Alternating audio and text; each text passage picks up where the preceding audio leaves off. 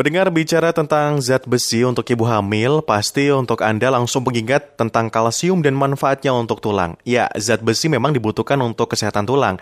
Hal yang sama juga dibutuhkan oleh ibu hamil, di mana kebutuhan kalsiumnya menjadi ganda untuk pertumbuhan dan juga perkembangan janin. Kita akan ulas selengkapnya dalam dialog kesehatan. Dialog Kesehatan. Pagi ini pendengar, kita hadirkan kembali dialog kesehatan, di mana ini adalah bentuk kerjasama dari FKUI dan juga RRI. Dengan tema pagi ini, pentingnya zat besi sebagai nutrisi pada kehamilan. Kita akan berbincang bersama dengan Dr. Dr. Med Dabar Pras Musinto, SPOGK, dari Departemen Obstetri dan Ginekologi.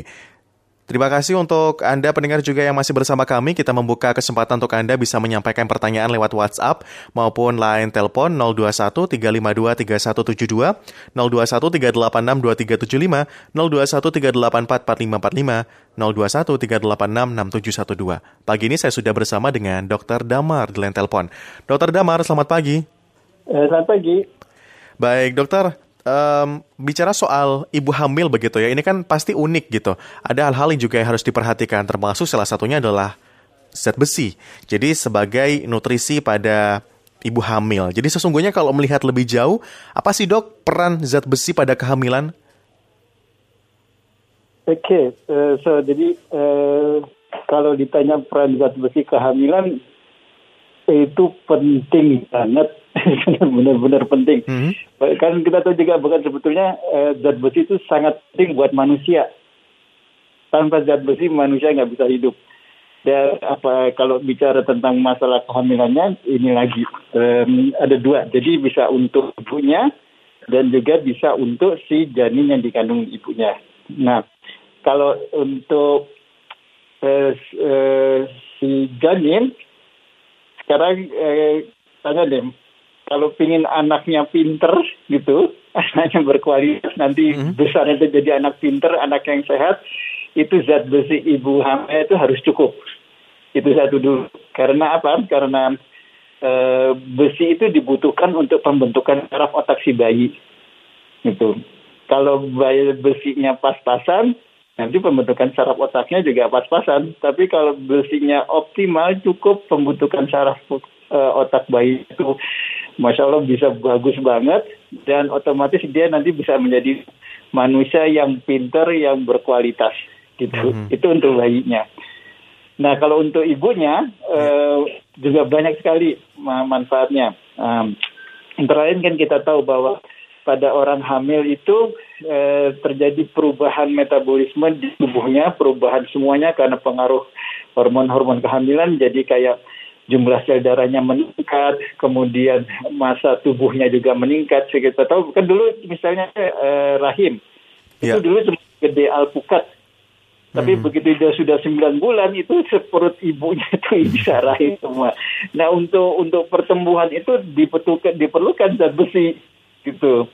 Dan untuk itunya juga apa darahnya juga ibunya tuh harus double lebih banyak darah yang diperlukan untuk ibunya untuk mensuplai si bayi nutrisi dan sebagainya otomatis zat besi juga uh, diperlukan optimal itu hmm. jadi kalau mau ditanya manfaatnya ke mana eh, ke mana-mana itu kalau ngomong soal yang ini dulu yang yang sehat dulu kalaupun kalau kemudian kita mau bicara kalau misalnya ada orang kekurangan zat besi itu bisa bikin penyakit seperti yang yang paling banyak memang anemia tapi sebenarnya juga bisa menjadi dasar landasan uh, kelainan misalnya persalinan preterm, kemudian bisa terjadi uh, risiko preeklamsi atau darah tinggi dalam kehamilan, nah, dan juga risiko infeksi ke mana-mana jadinya. Gitu. Mhm. Baik. Melihat bahwasannya banyak benefit yang didapatkan ketika zat besi ini tercukupi oleh ibu hamil, sesungguhnya kita bisa akses zat besi tersebut dari mana saja, dokter? yang bagus sebetulnya dari makanan. Makanan kalau makanan apa yang yang uh, banyak mengandung besi kita semua sudah tahu terutama daging sebetulnya. Daging uh, apa uh, daging merah terutama daging merah. Itu daging merah itu sangat sangat banyak mengandung zat besi hmm. dan selain itu juga dari uh, sayur-sayuran sayur-sayuran juga banyak yang uh, banyak sekali macam-macam sayuran yang mengandung zat besi uh, seperti misalnya bayam, brokoli dan sebagainya tuh itu banyak mengandung zat besi. Itu itu uh, apa? Sebetulnya sumber zat besi yang benar-benar alamiah dan itu sangat sangat uh, bermanfaat. Tapi memang sayangnya uh, kita manusia kadang-kadang makanan nggak mau yang itu, nggak mau yang yang sehat, hmm. maunya yang yang apa yang ya ya kan yang mungkin yang tidak enak uh, bukan yang enak justru malah tidak sehat. Biasanya hmm, dipilih yang yeah, kayak yeah. gitu nah, jadi otomatis sering uh, atau banyak sekali orang uh, hamil yang itu ibu hamil yang kekurangan zat besi jadinya. Karena cara makannya sih sebetulnya. Hmm, iya. Jadi kalau begitu dokter ketika sebetulnya variasi makanan untuk bisa dapatkan zat besinya banyak begitu. Cuman kan kadang kita pengennya instan tuh. Sudah ada suplemen sekarang dok. Kira-kira suplemen ini apakah cukup mewakili dok untuk bisa suplai zat besi dalam tubuh? Uh, sebetulnya bisa.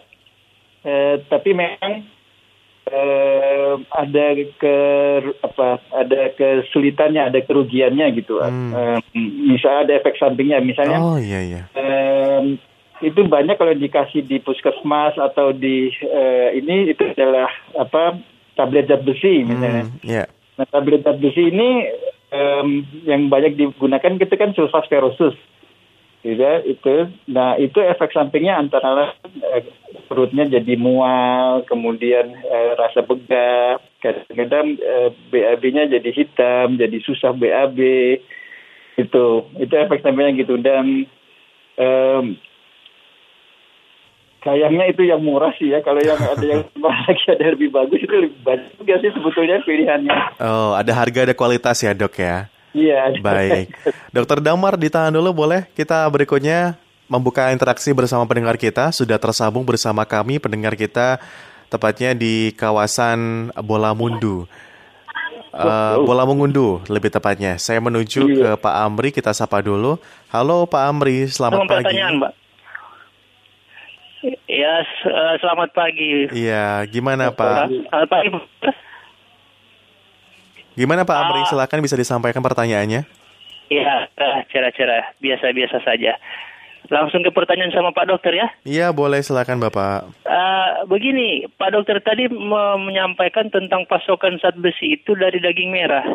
Jika ibunya mengalami penyakit komorbid yang tidak boleh mengkonsumsi daging merah seperti penyakit jantung ataukah penyakit uh, apa diabetes mellitus hmm. dan lain sebagainya apakah perlu diberikan uh, suplemen sulfosperosus untuk pengganti uh, apa zat besi ini disesuaikan dengan uh, apa uh, dosisnya berapa uh, per hari itu mm-hmm. uh, diperlukan sesuai anjungan rekomendasi dari Pak Dokter dan Food Drug Administration dari Amerika Serikat. Mm-hmm. Baik. Terima kasih Pak Dokter. Selamat pagi. Salam Selamat sehat. pagi. Salam sehat Pak Amri. Sebelum dijawab dokter, kita akan jeda sejenak sambil juga nantinya bisa di uh, ulas begitu ya atas jawabannya. Kita masih akan hadirkan informasi berikut ini dalam kilas berita. Kilas Berita.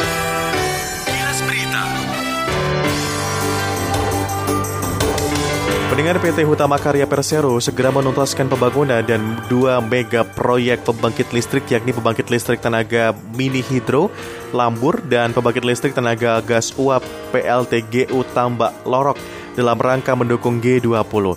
Direktur Operasi 2 Hutama Karya Ferry Febrianto mengungkapkan bahwa PLTM Tambur berkapasitas 2 kali 4 MW saat ini telah mencapai progres fisik 100% dan masuk ke fase pemeliharaan. Informasi lainnya bisa Anda baca di portal resmi kami di rri.co.id. Kilas Berita Pro 3 Jaringan Berita Nasional Dialog Kesehatan anda masih bersama kami dalam dialog kesehatan bersama dengan Dr. Damar, di mana beliau ini uh, telah mengulas tadi beberapa hal terkait dengan pentingnya zat besi sebagai nutrisi pada kehamilan. Dokter Damar masih bersama kami ya? Iya, masih. Ya. Boleh direspon dokter tadi yang disampaikan Pak Amri pertanyaan atas um, jika memang dari ibu hamil ini punya pantangan tidak diperbolehkan makan daging merah karena penyakit komorbid tertentu. Bagaimana solusinya terbaiknya, dokter? Uh, sebetulnya uh, bukan cuma ada komorbid karena sebagian besar um, kita hamil di Indonesia tuh bisa hampir lebih dari 60 persen tuh uh, kekurangan gizi. Hmm. Jadi anemia. Jadi jadi makanannya memang nggak nggak tercukupi itu. Dan um, memang jalan pintasnya kita akhirnya memberikan uh, suplemen uh, suplemen zat besi. Walaupun sebetulnya suplemen itu diberikan pada mereka yang sebetulnya kadar besinya itu normal. Jadi nanti kan uh, ada ukurannya tuh kalau diperiksa darahnya bisa ketawa kadar besinya berapa. Nah itu itu yang harusnya uh, target suplementasi zat besi yang yang mungkin pernah tahu kira-kira kalau ibu hamil itu 800 mg di keperluannya angka kebutuhan gizinya. Nah eh, kalau ibu ini anemia, itu artinya dia kekurangan zat besi. Nah, otomatis ini harus dikoreksi dulu, dinormalkan dulu, kemudian nanti dia kadar zat besinya itu normal, baru ditambahkan yang suplementasinya tadi. Jadi akan lebih banyak memang eh, kebutuhan zat besinya. Dan eh, ini harusnya memang eh, dokter nanti ngitung berapa dosis obat yang atau dosis zat besi yang diberikan perharinya berapa. Terus sama dia juga harus ngitung um, ada penyakit apa gitu. Terus ada uh, asupan lainnya tuh apa. Karena zat besi sebenarnya tidak tidak berdiri sendiri. Dia juga harus ada timbangan dengan uh, unsur seng misalnya. Kemudian dengan vitamin C pada ambil contoh misalnya pada orang-orang setiap hari konsumsi teh itu eh, penyerapan zat besinya akan buruk sehingga dia eh, berisiko anemia. Nah kalau pada kasus ini mungkin untuk menambah eh, penyerapan zat besinya kita beri tambahan vitamin C selain zat besinya.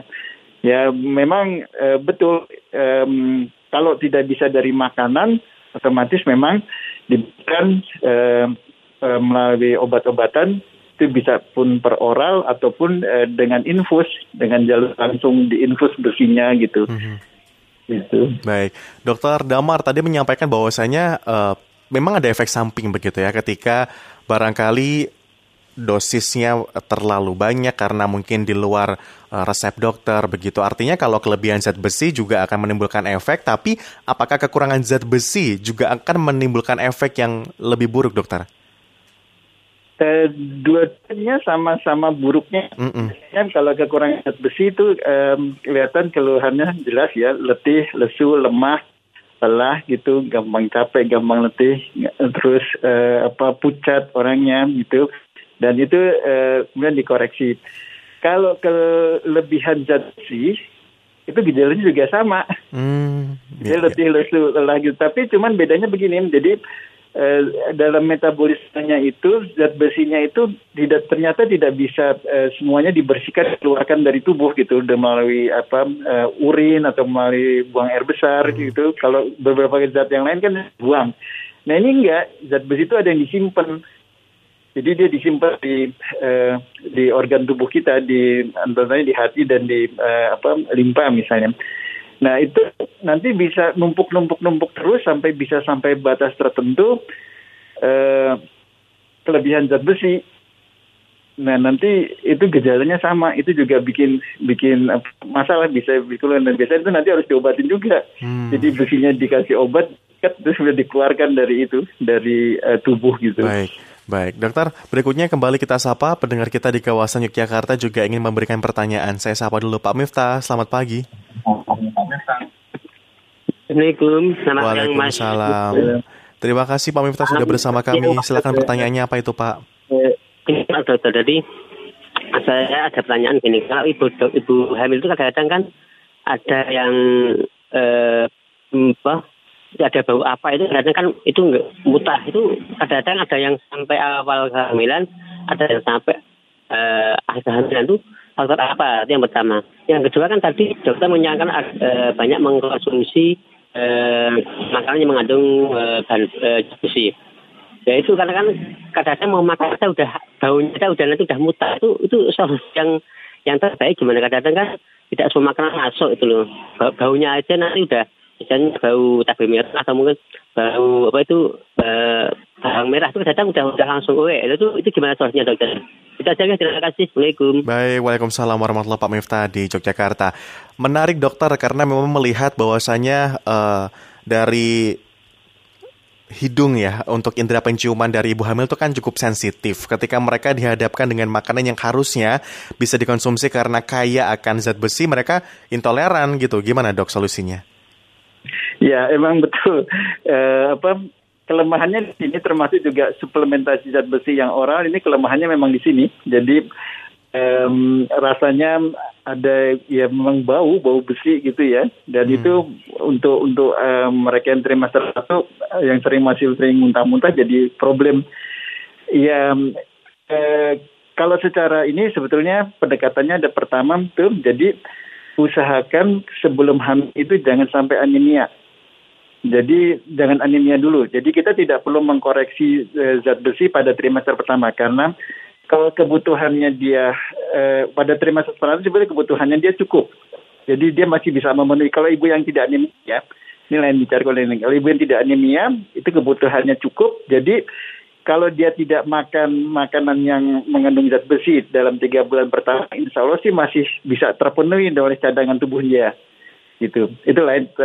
Tapi lain kalau misalnya sudah terjadi anemia.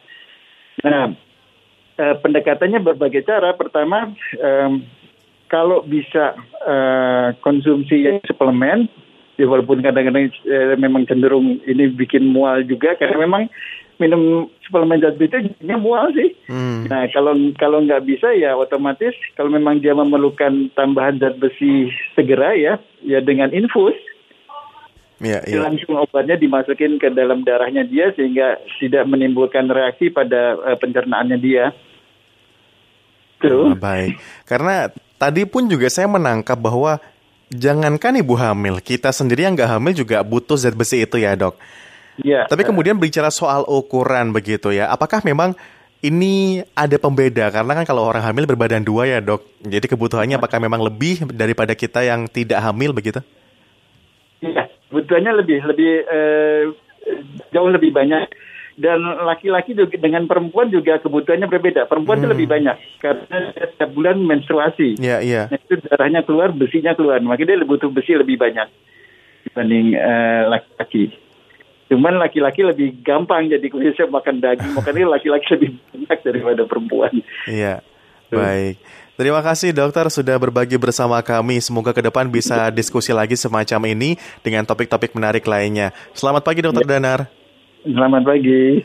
Ya, pendengar baru saja kita ikuti bersama dialog kesehatan mengulas bagaimana terkait dengan zat besi yang begitu penting untuk nutrisi pada ibu hamil, tapi kemudian ini tidak mengesampingkan bahwa kita pun juga yang dalam kondisi tidak hamil juga harus tetap penuhi kebutuhan zat besi dalam tubuh.